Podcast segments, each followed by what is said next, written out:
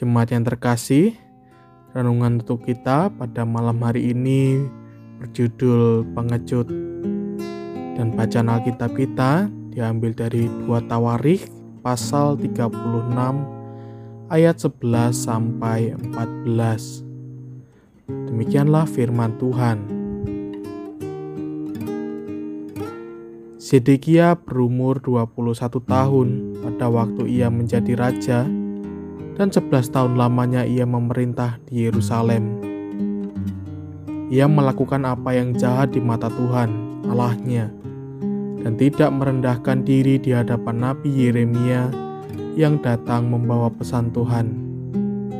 Lagi pula, ia memberontak terhadap Raja Nebukadnezar yang telah menyuruhnya bersumpah demi Allah. Ia menegarkan tengkuknya dan mengeraskan hatinya dan tidak berbalik kepada Tuhan Allah Israel. Juga semua pemimpin di antara para imam dan rakyat berkali-kali berubah setia dengan mengikuti segala kekejian bangsa-bangsa lain. Rumah yang dikuduskan Tuhan di Yerusalem itu dinajiskan mereka. Disebut sebagai pengecut adalah aib besar bagi kebanyakan orang. Kita dididik untuk berusaha menjadi orang yang berani, yang tidak mudah menyerah, yang harus berjuang sekuat tenaga untuk berhasil. Karena itu, ketika ada rintangan yang pelik, lebih baik kita berusaha mati-matian dulu, lalu kalah, daripada menyerah sebelum berusaha sama sekali. Raja Sedekia tampaknya bersikap demikian.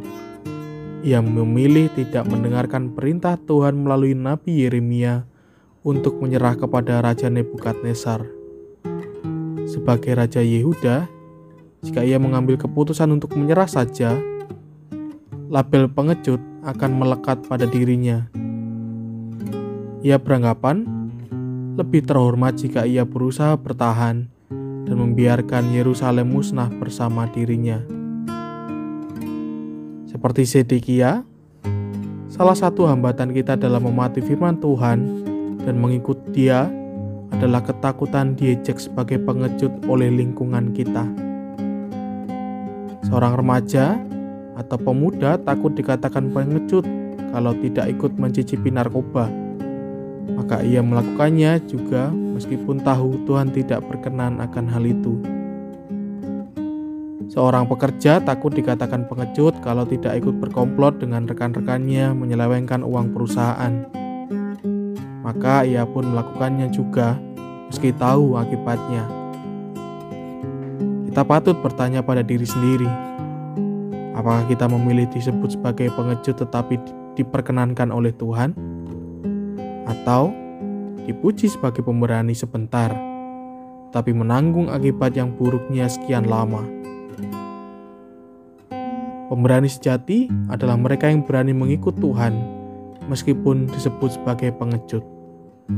Ukurannya adalah nilai-nilai yang Tuhan kehendaki, bukan nilai-nilai yang menjadi kesepakatan bersama dengan sesama kita.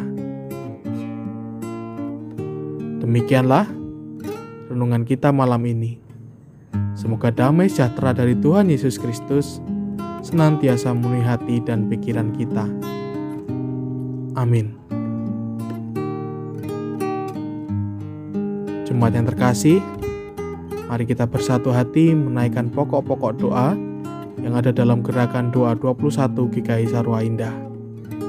Mari berdoa.